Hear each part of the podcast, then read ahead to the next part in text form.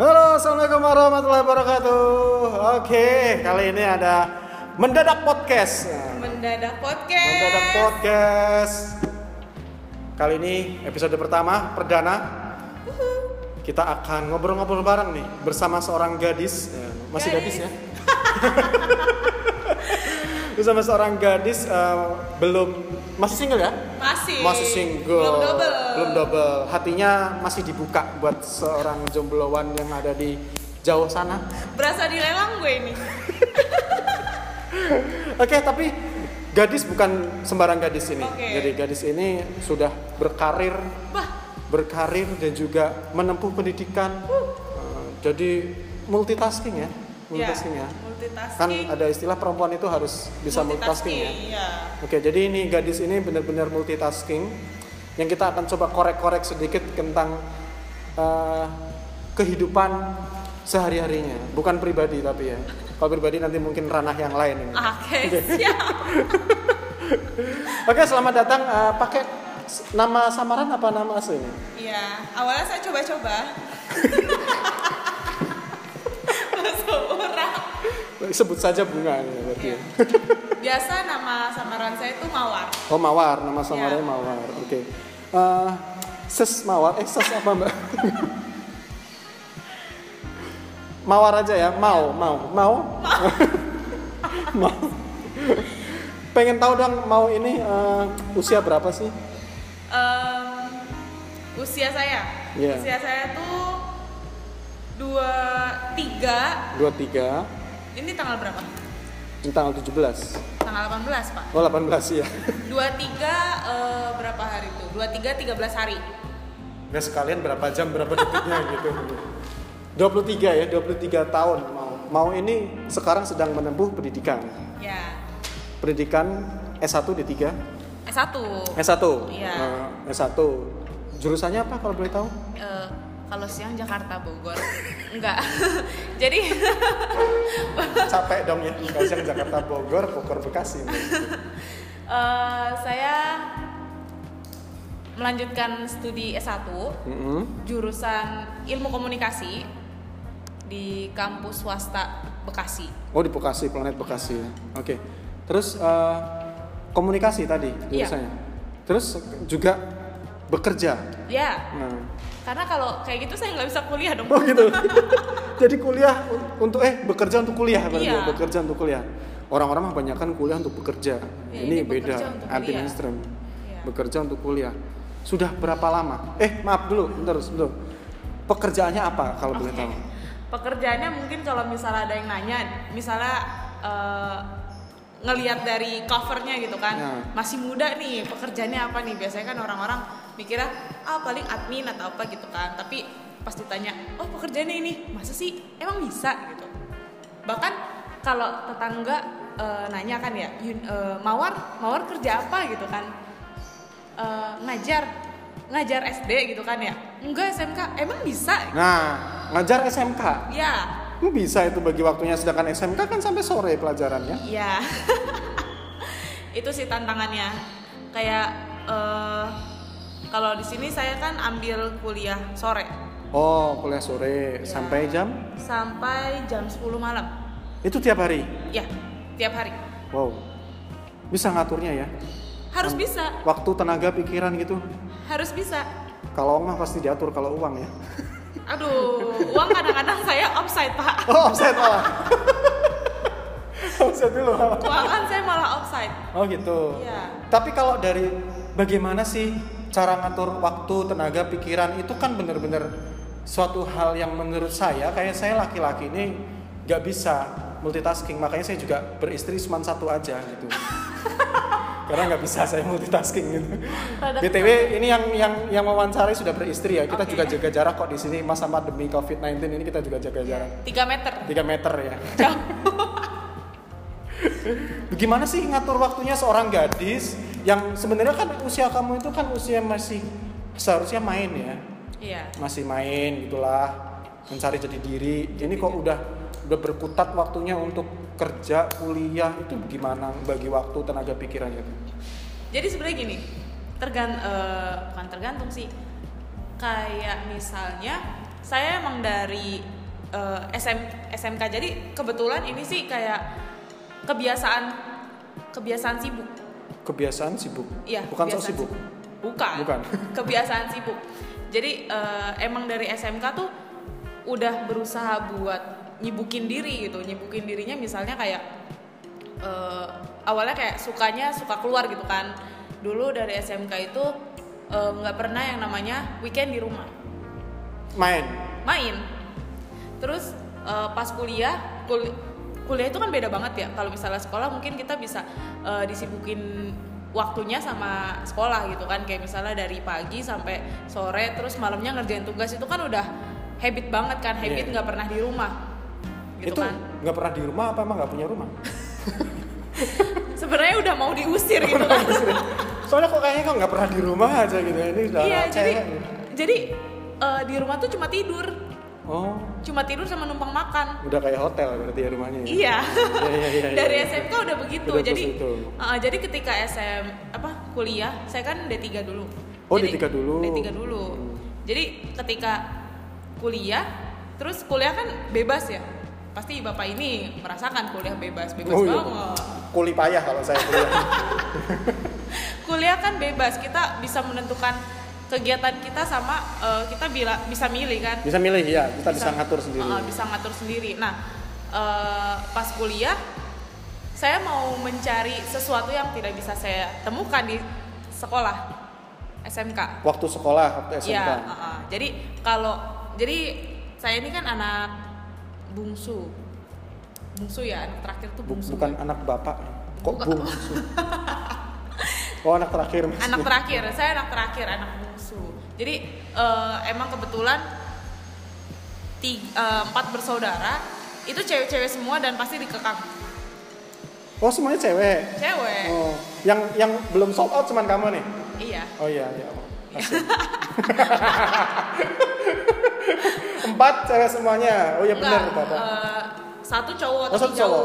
Oh. nah tiga-tiganya cewek yang ada di rumah jadi eh, saya mikirnya orang tua saya belum ada pengalaman anaknya nakal Hmm. kalau cowok kan bebas gitu kan Bebas. pulang ke mana aja nah ini cewek tapi yang cewek tapi yang nakal.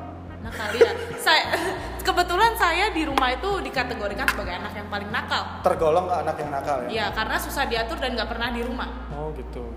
ya Makanya tadi sudah sempat hampir diusir dari rumah. Iya. yang penting nggak di, dicoret dari kakak aja sih itu. itu masih ditahan Ya, sama maksudnya- sama tua saya sebenarnya. Terus terus terus menarik nih terus. jadi eh, pas kuliah kita kan bebas tuh Bebas. mau milih yang Milih. eh, milih kayak gimana terus kita mau cari passion di mana itu bebas banget peluangnya besar banget asalkan kita jangan salah ambil pergaulan Hmm, itu karena kan kebanyakan yang rentan itu pas kuliah betul. Iya kan? betul. Karena merasa bebas tadi ya. Iya karena merasa bebas terus juga tugas-tugas yang nggak pernah dikengkak. Kalau di kalau guru-guru pasti kayak ayo tugas-tugas tugas tapi Iya. kalau kuliah mau ngerjain ya bebas gitu kan. Nah terus karena saya selama sekolah nggak pernah nemuin lampu merah, Kapan maksudnya? jadi saya tuh udah kayak eh, dari S dari TK, SD, SMP, SMK ditentuin kamu sekolah di sini. Oh. Saya nggak pernah di Berikan kasih kesempatan, untuk kasih kesempatan untuk memilih Oh, gitu. Jadi ketika kuliah kuliah. saya manfaatkan dengan mengambil kegiatan yang jauh. mengambil kegiatan yang jauh karena kebetulan kampus saya itu kampus Alfamart Indomart. Di mana-mana ada gitu. Yoi, Di mana-mana ada. cabangnya banyak, Oh, pasti cabangnya ada banyak. tahu. Oh, Oke, oke. gitu. Jadi ketika ada apa festival festival UKM ya, Iya. festival kegiatan UKM itu saya ambil yang jauh sekalian dari Bekasi ke Jakarta Selatan kan jauh. Itu saya. PP ya pernah saya semester 2 itu karena dari pagi saya tuh kegiatan itu jam 9 terus saya berangkat dari Bekasi jam 7 naik motor. Naik motor? Iya naik motor sendiri. Sendiri. iya. Mandiri nih, mandiri. mandi Jadi- sendiri. Terus Terus? eh, kira-kira selesainya itu jam 6 kegiatannya. Itu udah sama belum sama ngobrol-ngobrol ngobrol-ngobrol sampai jam 9 malam jam 9 jam 9 malam saya pulang dari Jakarta Selatan ke Bekasi nyampe jam 11 sampai jam 12 malam Itu alhamdulillah nggak kena begal ya. enggak begalnya takut Oh begalnya jadi. begalnya takut jadi. Iya, jadi sempat beberapa kali mama saya tuh bilang, udahlah kamu berhenti aja kuliah kalau kuliah malah begini. Hmm. Terus Karena kegiatannya itu ya over banget ya. Bukan over karena nggak pernah ap- apa? Karena pulangnya malam banget. Oh pulangnya malam banget ya ya. ya. Iya, kayak gitu. Sempet kayak beberapa kali disuruh berhenti kuliah, tapi ya udahlah biarin aja. Itu orang tua lagi kesel. Yang bikin kesel tuh mama saya harus nungguin saya eh, dalam keadaan ngantuk. Iyalah jelas itu. Iya, itu yang Sebel bikin banget, kesel. Bu. Sebel gitu. Terus akhirnya saya jalanin kayak sempet backstreet gitu kan, backstreet kayak eh, udah keluar ya, udah. Dibiarin aja gitu. Orang tua marah, terus nanti reda, terus eh, kegiatannya diem-diem kayak misalnya eh, tetap ikut tapi bilangnya ke mana gitu. Iya, iya. Ya. Terus eh, ya udah saya ikutin aja alurnya tetap aja ikutin terus kalau misalnya udah ademan izin ke sini pasti dibolehin lagi gitu sebenarnya kalau orang tua kayak gitu khawatir ya Jelas. jelas khawatir sama cuma cewek takut gitu. Heeh, cuma takut kenapa-napa nah udah tuh saya ngejalanin itu selama tiga tahun Pas D3 itu. iya dan eh, saya semester 5 itu udah mulai ngajar Semester 5 D3. ya Semester 5 D3 udah mulai ngajar. ya ngajar SMK kelas 3 Tiga tahun kuliah dengan aktivitas kesibukan yang seperti itu pantas aja jomblo ya. Kayak waktu buat orang tua aja nggak ada, makanya mungkin laki-laki melihat wah ini si mawar ini sibuk banget ya di SMS nggak balas WA di reject eh di WA di reject apa? WA-nya di di blokir. Iya benar benar benar nggak? Iya kayaknya. Sepertinya gitu ya belum Iya. punya pasangan ya waktu itu ya. Terus habis itu kan di tiga udah lulus. Udah sekarang. Udah lulus. Sekarang lanjut S1 S1 nah itu kan kalau tadi kan dari segi kegiatan berarti kan kita ngomongin tentang waktu nih ya kan? Sekarang kalau dilihat dari tenaga dengan jarak eh, dengan jarak yang tadi diomongin Bekasi Jakarta Selatan itu masih berlangsung nggak sampai sekarang? Udah enggak? Udah enggak. Sekarang eh, udah dikurangin? Udah udah beda. Jadi saya tuh ngelanjutin di kampus yang berbeda. Oh di kampus yang berbeda sekarang. Iya. Sekarang kampus yang berbeda untuk masalah meng- membagi tenaga itu masih bisa dikontrol dengan setiap harinya ngajar, ngajar setiap hari, ngajar setiap hari ngajar setiap hari, kuliahnya kan setiap hari setiap hari. Itu gimana apa nggak capek gitu? Ah, jangan-jangan paginya telat mulu dong ngajarnya. kayaknya sih Gimana gimana? Sharing untuk masalah bagi tenaga. nah kalau untuk bagi tenaga capek sebenarnya ya? capek pasti capek banget apalagi kan eh, ngajar itu kan eh, otak ya Hmm. otak yang dipakai tenaga juga dipakai terus kita belajar sisa-sisa tenaga tapi yang bikin nggak berasa karena eh, kita ketemu teman-teman Oh, itu yang bikin. yang bikin kayak oh happy gitu Ya, kan ketawa-tawa gitu betul, betul. saya pernah ngerasain bener-bener ngajar doang setahun dan itu lebih membosankan daripada kuliah sambil ngajar Ngajar doang setahun itu lebih membosankan daripada daripada. kuliah sambil ngajar Oh, gitu ya? Iya, itu saya ngerasain. Jadi kalau kuliah sambil eh kuliah aja, eh salah. Ngajar aja. Ya kalau misalnya ngajar aja, kita cuma ketemu sama itu itu doang. Ya. Uh, tapi kalau misalnya kita sambil kuliah, lebih nggak berasa sebenarnya waktunya. Tahu-tahu udah lulus aja, kayak gitu. Beneran? BTW sekarang udah mau lulus berarti? Belum. Oh belum, belum tau tahu udah lulus, kira udah lulus. Belum ya? Sekarang semester berapa nih? Sekarang udah semester 2 mau next semester 3 Jadi semester karena saya masuknya konversi, Mm-hmm. Jadi ada mata kuliah yang Iya. Harus kita- yang harus dikejar. kejar ya? Hmm, Gitu, gitu, gitu. Jadi serunya di situ sih lebih ngebosenin kalau misalnya kita cuma satu aktivitas saja. Kalau pikiran nih, tadi kita udah ngobrol waktu, tenaga, sekarang pikiran. Gimana kalau kerjaan itu kan penuh tuntutan ya pasti ya, entah itu ngajar atau apa kan pasti ada banyak pressure di situ, ada tuntutan. Mungkin kalau ngajar tuntutannya pas ada momen-momen yang kita bikin soal, ngoreksi, kemudian bikin nilai, ya kan walaupun nilainya mungkin udah jadi duluan ya daripada bikin soalnya mungkin. Itu kayak bapak deh. Buka sendiri guys.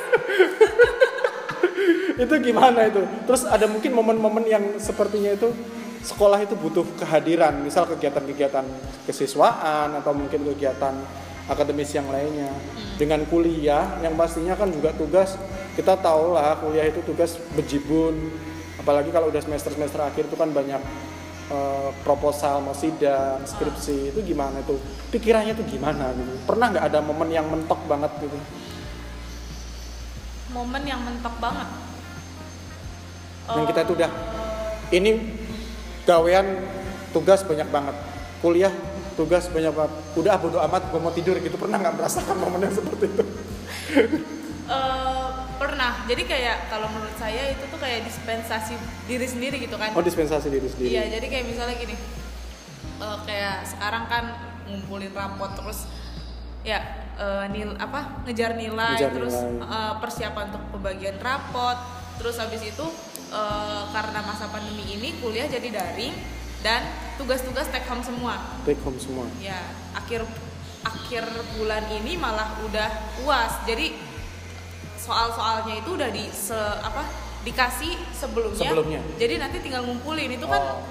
ya bulan Juni ini kayak wah gila ini cobaannya banyak banget kan tapi dari dulu juga ini kebiasaan mungkin ya jadi saya suka kayak misalnya gini eh, setiap hari Sabtu saya udah planning mau ngerjain apa aja. Kayak udah misal- dijadwalin gitu? Iya udah dijadwalin. Kayak misalnya gini eh, mau main nih sama temen. Janjian ah jam berapa?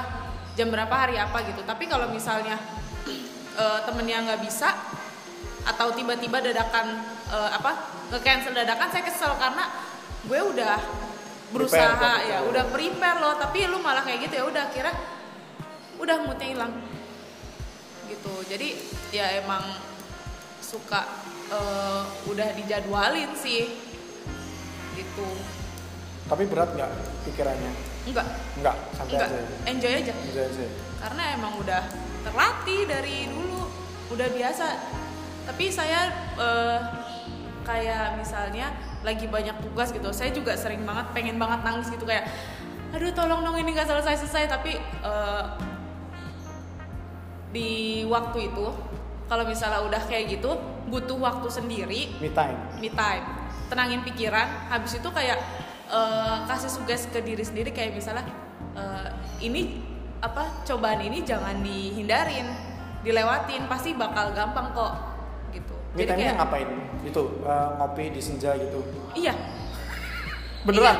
Iya, iya saya. Oh beneran anak indie banget nih berarti ya ini anak ini nih. Saya pernah kayak stres banget gitu kan ya. Sebenarnya kalau cewek stres itu butuh waktu sendiri bukan Iya, kayak uh, bukan kayak dibujuk-bujuk kamu kenapa? Kamu kenapa? gitu. So jadi kalau punya pasangan yang seperti itu cuekin aja ya? Iya, cuekin aja, diemin aja gitu. Jangan jangan kebanyakan nanya gitu. Nanti padahal dia sendiri nggak punya pasangan.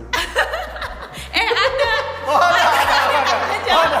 Oh ada, ternyata udah ada ada ada ada. Ada oke. Ada. oke oke terus Sebenarnya kalau kalau cewek atau mungkin semua orang gitu kan ya, butuh waktu sendiri ketika dia stres gitu. Saya pernah eh, stres banget akhirnya udahlah jalan random ke mana terus berhenti di salah satu restoran Yes. cepat saji Facebook ya fast food di mana eh, di lingkungan itu saya nggak bakal ketemu, Ketemu sama, sama orang, orang. yang saya, saya kenal. Yang dikenal. Ya kalau misalnya di daerah sekolah kayak misalnya eh, pasti bakal ketemu kan murid-murid eh bu gitu kan ya atau gimana atau teman sebaya lah. Tapi di situ saya memilih eh, tempat yang benar-benar nggak mereka bakal ke sana lah Hmm. gitu. Jadi di situ saya cuma dengerin musik, jajan, diem. Eh ada tamu. eh ada tamu Eh. ini gurunya dari guru ini Iya. Hmm.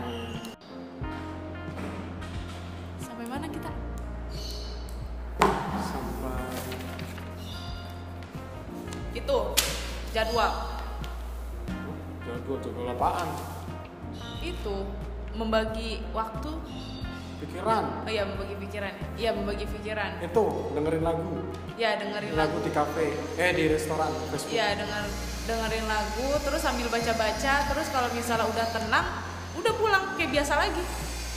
Udah, udah cuman butuh berapa menit doang ya buat gitu ya. iya gitu doang daripada kita cerita ya kan kita cerita ke orang pasti kan ya pasti bapak ini pernah punya kayak Pernah saya sering banget kan? jadi tukang tong, tong sampah. Ya, iya atau eh, apa pernah stres kan Ya, pernah. stres terus butuh tempat atau butuh Iya, betul, cerita betul, betul. Ah. ya kalau misalnya kita cerita ke orang Tapi kalau saya sih pelariannya ambil air wudhu, gelar sajadah, sholat. Masya Allah, pencitraan sekali. Pencitraan sekali. Oke oke. Terus eh, tadi kan kalau kita berbicara yang normal artinya eh, mawar ini bisa jalan-jalan ke mana kan? Jadi bisa jalan-jalan ke fast food. Sekarang kan kita akan berhadapan dengan pandemi ini. Kemudian kegiatan kuliah tadi katanya take home semua artinya di rumah semua. Pertanyaan saya lebih enak mana atau lebih enjoy mana sih dengan kegiatan yang semuanya itu di itu kan berarti kan work from home, eh, school from home, college from home, tas from home, semuanya dari rumah atau eh, yang mobil, mobile, mobile, mobile ke sekolah, kemudian ke kampus atau ke mana-mana itu lebih suka yang seperti apa sih? Atau mungkin dari segi pikirannya itu tingkat stresnya itu lebih yang mana? Oke, kalau itu saya lebih suka yang apa? Ke sekolah langsung atau enggak ke tempat kuliah. Jadi nggak daring, Jadi nggak daring ya? enggak. Lebih suka yang langsung ya berarti? Karena emang dari dulu kan nggak pernah di rumah. Oh iya, sekalinya di rumah merasa di penjara ya? Bener loh, kayaknya ini eh, dampaknya dari work from home sama learning from from home. Hmm. ya kan jadi waktu itu u- eh, bulan ketiga kita kan udah masuk bulan keempat ya Iya.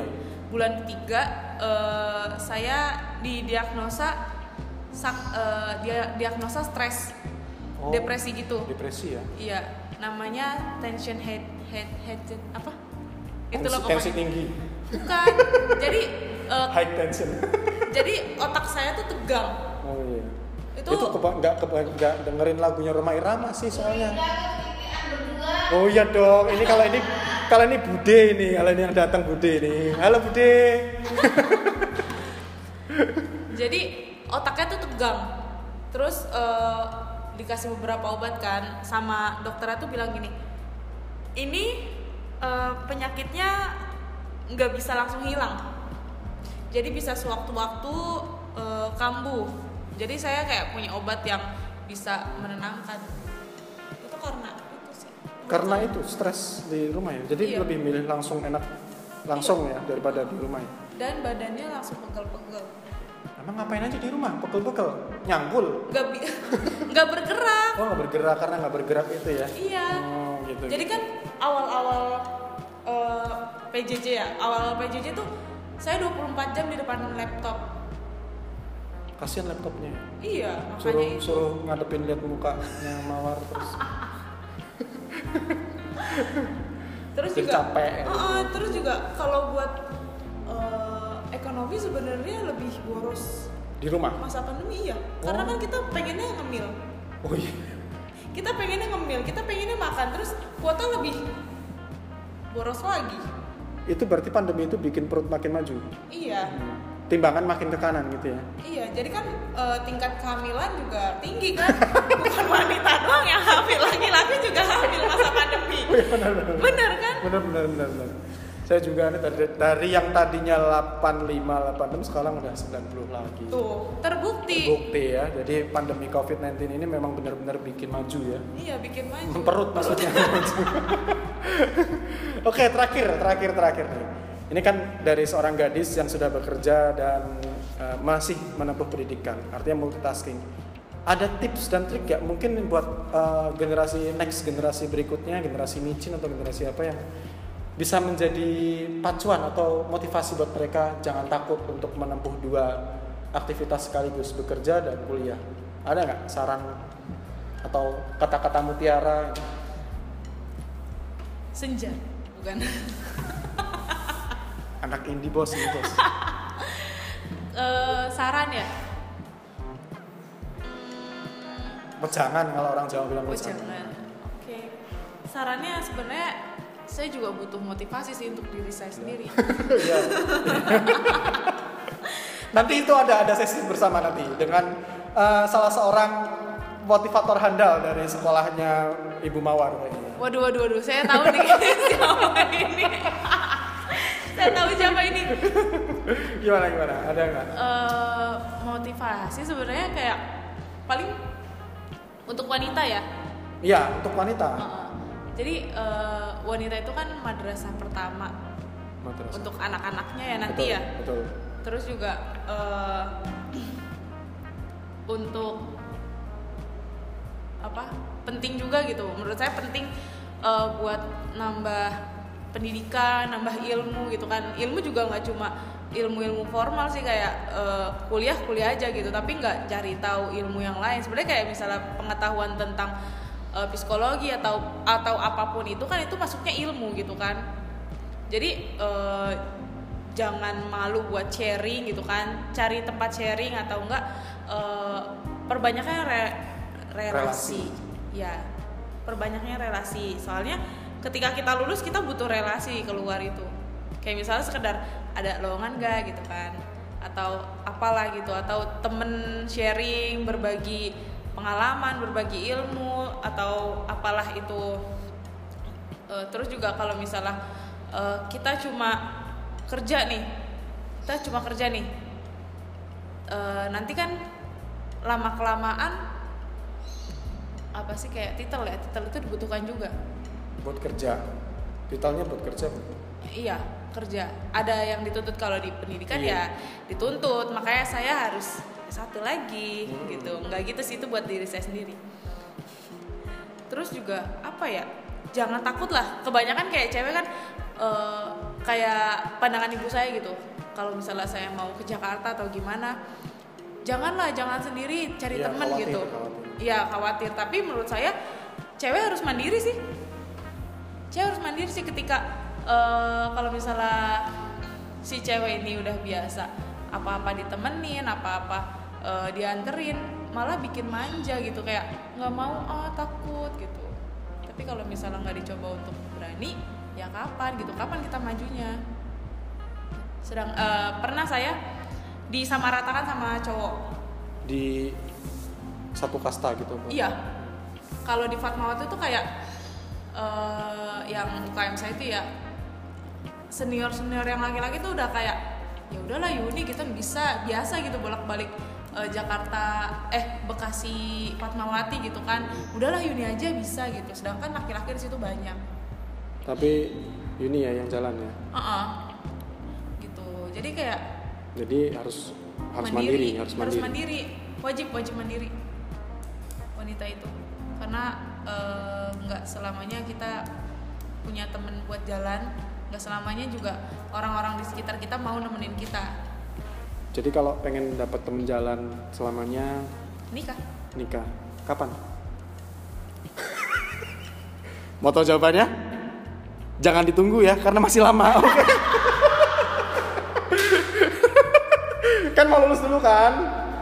Lulus dulu ya, kan? ya kali aja nanti ada yang mau Oh iya nanti kalau kalau misal itu ya masker udah nggak kepake gitu kan biar fotonya kelihatan muka gitu nggak eh, sebenarnya awet loh. Wah, Ahmed. iya jadi kayak misalnya kita mau make up cuma atasnya doang kan bisa Oh, iya, biar setengah ya, ya. Oke. irit Oke, terima kasih uh, Yuni alias Mawar. Ya, tadi sudah ngomong sendiri sih dia soalnya namanya udah disembunyiin juga tapi masih ngomong oh sendiri iya ya betul ya Yuni alias Mawar seorang perempuan uh, perempuan apa gadis nih?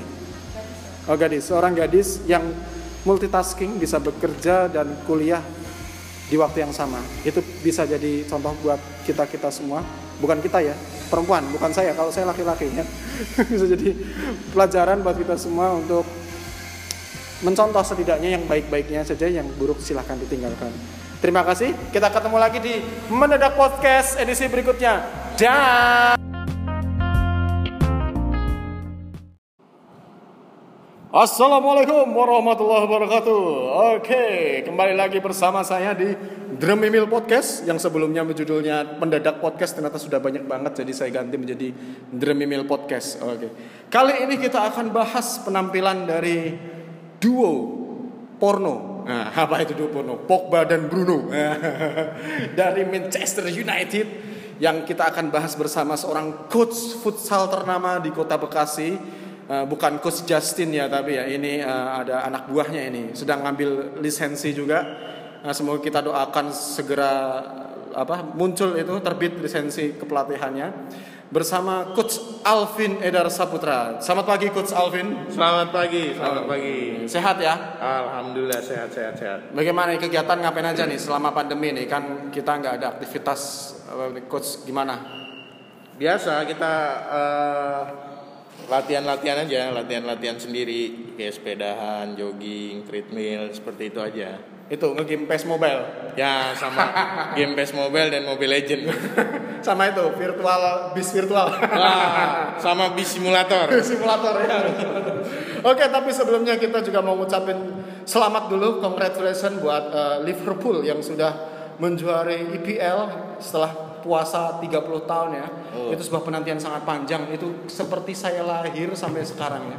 Ya. Dari lahir uh, ngefans baru brojol nih ngefans uh, nunggu 30 tahun nah, akhirnya Akhirnya juara juga ya. Selamat selamat memang permainan yang sangat cantik dari Liverpool uh, di dua musim ini ya coach Alvin ya. Iya memang memang eh, dari Jurgen Kloppnya sendiri memang kualitas pelatih yang tingkat tinggi menurut saya karena memang eh, waktu menangani Dortmund juga Dortmund tim yang mungkin berada di papan tengah hingga menjadi tim yang menakutkan di Bundesliga ya jadi Sempat masuk final Liga Champions juga. ah, kan? sempat masuk final Liga Champion waktu itu Munich, Munchen. eh, masih ada Kagawa ya Shinji Kagawa. Shinji Kagawa. Uh, sekarang menangani uh, Liverpool butuh waktu hanya empat tahun ya, tiga Ya, empat- tahun, ya, empat- tiga empat tiga tahun. sampai empat tahun. Akhirnya dia punya target masing-masing. Tahun ini, tahun kemarin dia menjuarai Champion. champion, sekarang menjuarai Liga uh, Inggris ya. Jadi memang dia tidak rakus gelar, tapi dia punya strategi masing-masing seperti itu menurut saya. Nah, cerita tentang Jurgen Klopp ini yang sedang yang sudah membangun Liverpool ya. Jadi kita nggak nggak bisa mungkin ya coach ya yang tiba-tiba instan. Ini Iya. Jurgen Klopp ini kan termasuk yang membangun. Kita kembali ke bahasan utama kita yaitu Bruno dan Pogba. Ya. Di mana tahun ini Solskjaer, uh, manajer pengganti dari Mourinho ini yang sedang sepertinya juga sama melakukan hal yang sama membangun Ya. membangun kembali Manchester United yang kita lihat dulu sebagai penguasa orang sekarang kalau ngomong Manchester United itu katanya lagi ngobrolin sejarah coach. Oh, karena hanya itu yang bisa dibanggain. Tujuh Iya. musim kita puasa gelar Manchester United ini. Nah di pertengahan eh maaf di pertengahan musim bener ya Januari itu mendatangkan Bruno itu apakah betul eh, salah satu best solution si Solskjaer ini membangun kembali Manchester United setelah eh, berbagai macam transfer yang dilakukan oleh di manajer-manajer sebelumnya dari Moyes, Van Gaal sampai Mourinho. ya eh, menurut saya sebelum membahas Bruno dan Pogba eh, ada beberapa hal yang harus kita ketahui sebagai eh, fans ya, sebagai supporter minimal yang fanatik apalagi. Ya, Jadi membangun tim itu tidak mudah memang, Eh, apalagi eh, kita datang dengan tim yang mohon maaf acak-acakan Acak-acakan. atau bekas orang lah gitu. Kita tinggal tinggal bahasanya nyebokin doang gitu ya. Jadi kita kita benar-benar membangun keinginan kita sendiri. Belum tentu eh, pemain-pemain yang dibeli di manajer sebelumnya. di manajer sebelumnya cocok dengan eh, strategi kita gitu Iya, karena iya. memang kita harus harus benar-benar membangun membangun eh, tim itu dari pemain apalagi sekelas MU pasti akan jadi gunjingan karena sebelumnya memang dia papan atas dan dan menakutkan gitu sekarang dia harus terpuruk dengan eh, pensiunnya Sir Alex, Sir Alex. sampai dengan eh, berganti manajer dari Moyes, Van Gaal sampai dengan Mourinho sendiri itu memang butuh waktu lama. Minimal membangun tim itu memang tiga tahun untuk Tiga tahun untuk- ya? Tiga tahun untuk untuk eh, menjadi tim yang solid seperti itu. Nah, Bruno sendiri itu memang eh, tadi Apakah dikatakan best solution. Memang memang benar-benar best solution. Yang pertama menurut saya memang setelah adanya Bruno nyawa dari lini tengah MU mulai kembali kembali uh, bernyawa ya. Lebar bernyawa. Hanya saja memang tandem dari Bruno ini belum terlihat Hmm. sampai uh, dari mulai Tominay, Fred sampai dengan uh, gelandang-gelandang lainnya seperti Andrinho. Iya. Andreas, Andreas. Andreas Pereira dan dan sebagainya.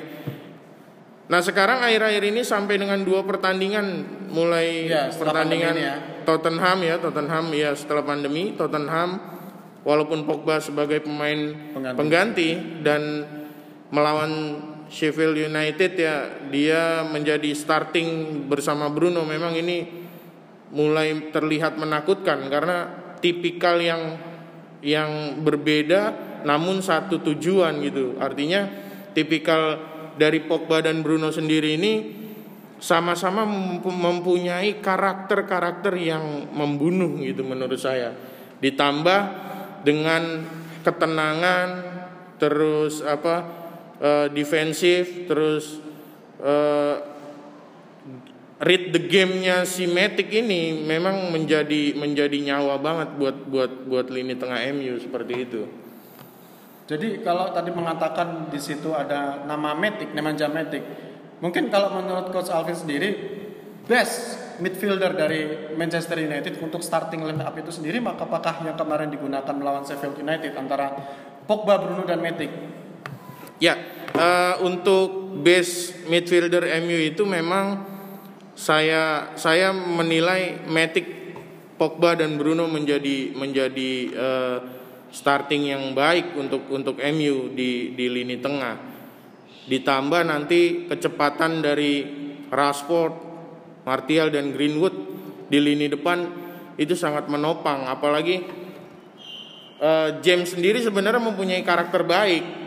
Hanya saja dia masih terlalu minim pengalaman di di eh, level tinggi di tim-tim besar sehingga mungkin ada rasa canggung dan ada rasa tidak percaya diri gitu. Jadi memang Greenwood Martial dan Rashford menjadi pilihan utama juga di depan. Jadi Bruno dan Pogba ini eh, melayani striker-striker pelari semua itu jadi memang Suatu saat nanti memang butuh waktu ya sekitar satu tahun lagi mungkin MU akan menjadi momok menakutkan lagi.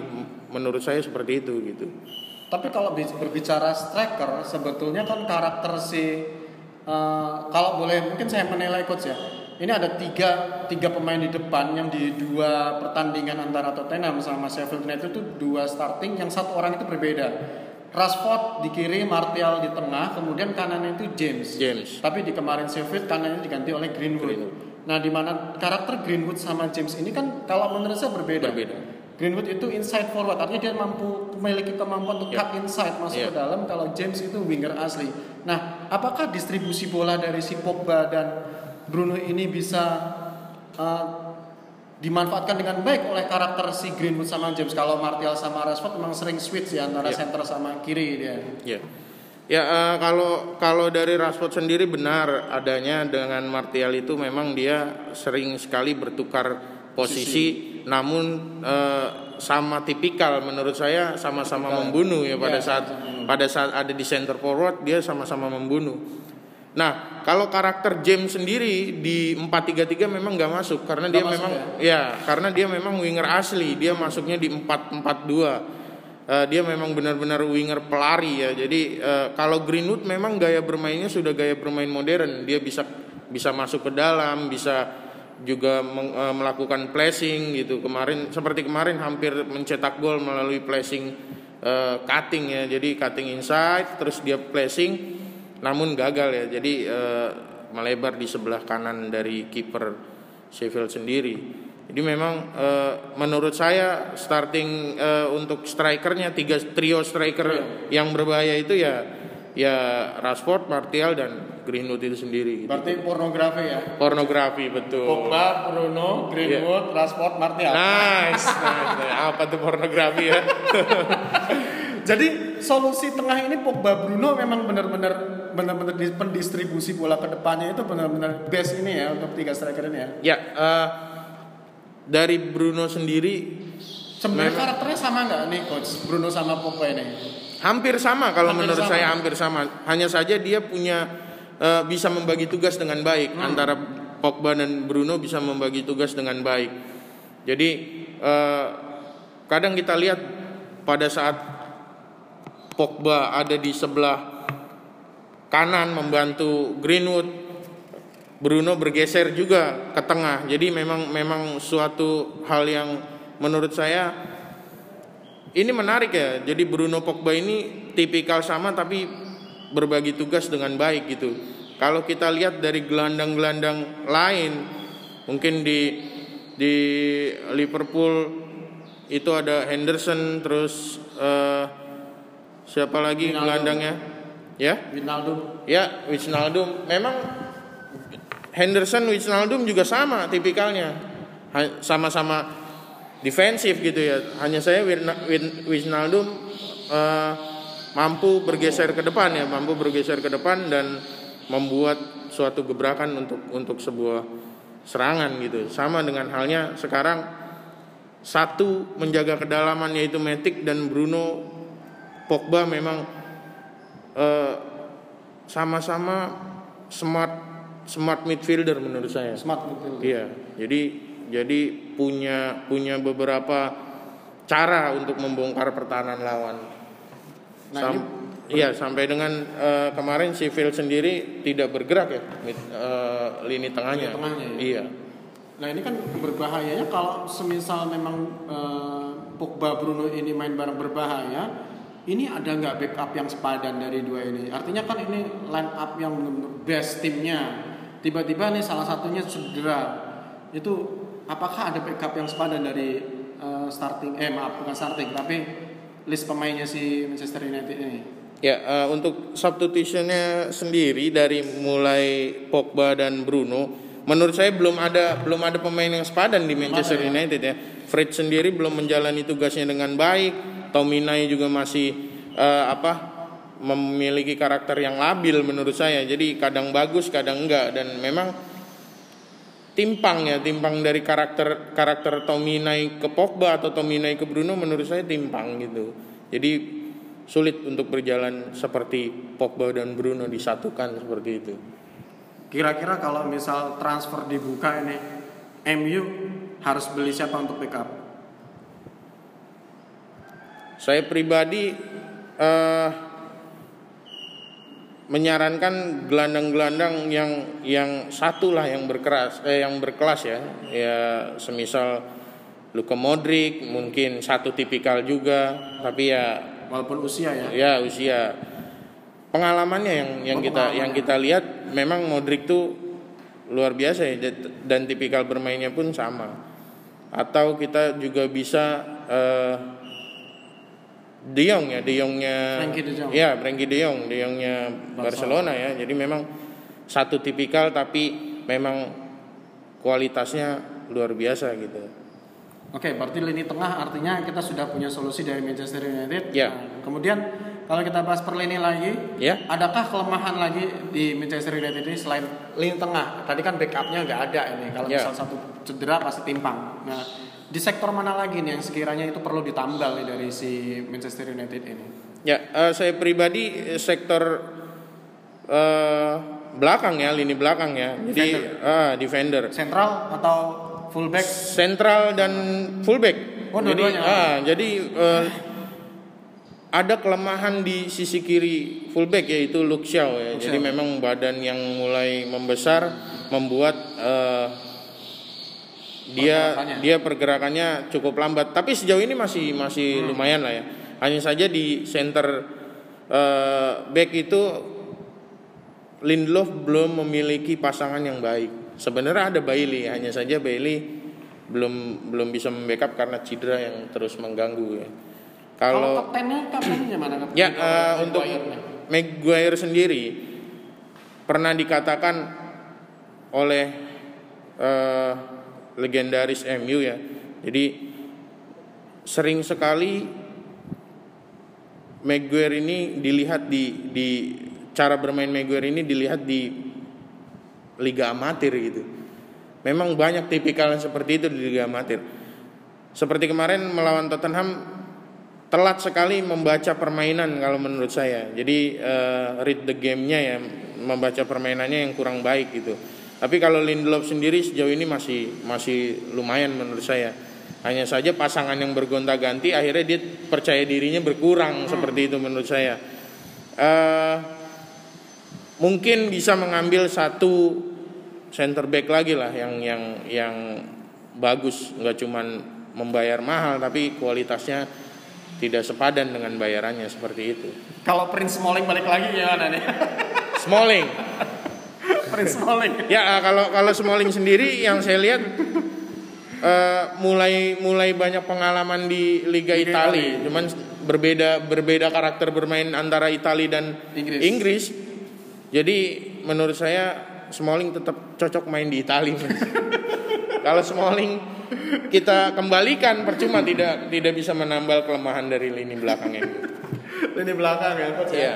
Nah, kalau ke ngobrol ini uh, agak bergeser dari Bruno Pogba ya. Ya. Jadi kita ngobrol kelemahan-kelemahan ini ada di lini belakang. Nah, ini yang santer santer lagi isu-isu lagi si Genzo Dan Henderson kipernya hmm. Sheffield United itu kan pinjaman dari MU itu. MU. Nah, dia rumornya itu kan pengen jadi goalkeeper utamanya MU musim depan. Yeah. Tapi kita punya David De Gea ini. Yeah. Sebenarnya kalau secara kelas udah layak belum sih si Henderson ini menjadikan De Gea? Kita lepas De Gea ke Real Madrid atau ke mana gitu? Yeah. Kalau menurut saya Henderson sendiri belum belum begitu mm, baik ya, masih butuh jam terbang yang banyak. Kalaupun De Gea pergi, berarti MU harus mem, uh, mengambil uh, kiper atau memanfaatkan Sergio Romero. Sergio Romero. Sergio Romero itu memang saya lihat beberapa pertandingan walaupun dia sebagai kiper pengganti, misalnya pengganti bermain di liga mana, liga mana, tapi kualitasnya patut di diacungi jempol lah kalau Sergio Romero. Dan pelapisnya tetap Henderson seperti itu. Kalau De Gea pergi ya. Berarti belum layak ya? Belum, belum menurut saya belum. Oh, okay, okay. Jam terbang boleh. Jam terbang. Baiklah coach uh, terakhir nih mungkin di sisa musim ini kita sudah tahu juaranya Liverpool. Ya. Kira-kira MU kan ini belakangan tahun ini berjuangnya berputar di posisi favoritnya Arsenal ya, ya nomor lima. 4 artinya. Ya. posisi favoritnya berjuang untuk mencari jatah Champion. uh, Champions. Kita masih di posisi 5 dan sementara klasemen poin Manchester United itu sama dengan Wolves. Sama-sama poinnya sama. Jadi kira-kira nih prediksi ada di posisi berapa ini? Di akhir ya? Di akhir. Di akhir uh, saya rasa MU akan menetap di posisi keempat ya. Jadi apa sekarang lima? Sekarang lima. Naik satu keempat saya rasa dapat lah jatah Liga Champion ya. Yang keluar siapa? Leicester apa Chelsea? Chelsea. Chelsea. Tapi kayaknya tenang coach. Kita kayaknya dapat dapat giveaway dari City. City kan katanya nggak boleh ikut. Oh nggak boleh ikut champion. dapat giveaway champion. Oke coach, terima kasih obrolannya. Sama-sama. Uh, kita nanti coba bahas-bahas analisis pertandingan lagi bersama siap, coach Alvin. Siap, siap. Hari ini kita bahas Manchester United. Nanti kalau ada pertanyaan-pertanyaan boleh di DM di sini. Jangan lupa follow, subscribe di Dreamy Meal Podcast. Dah.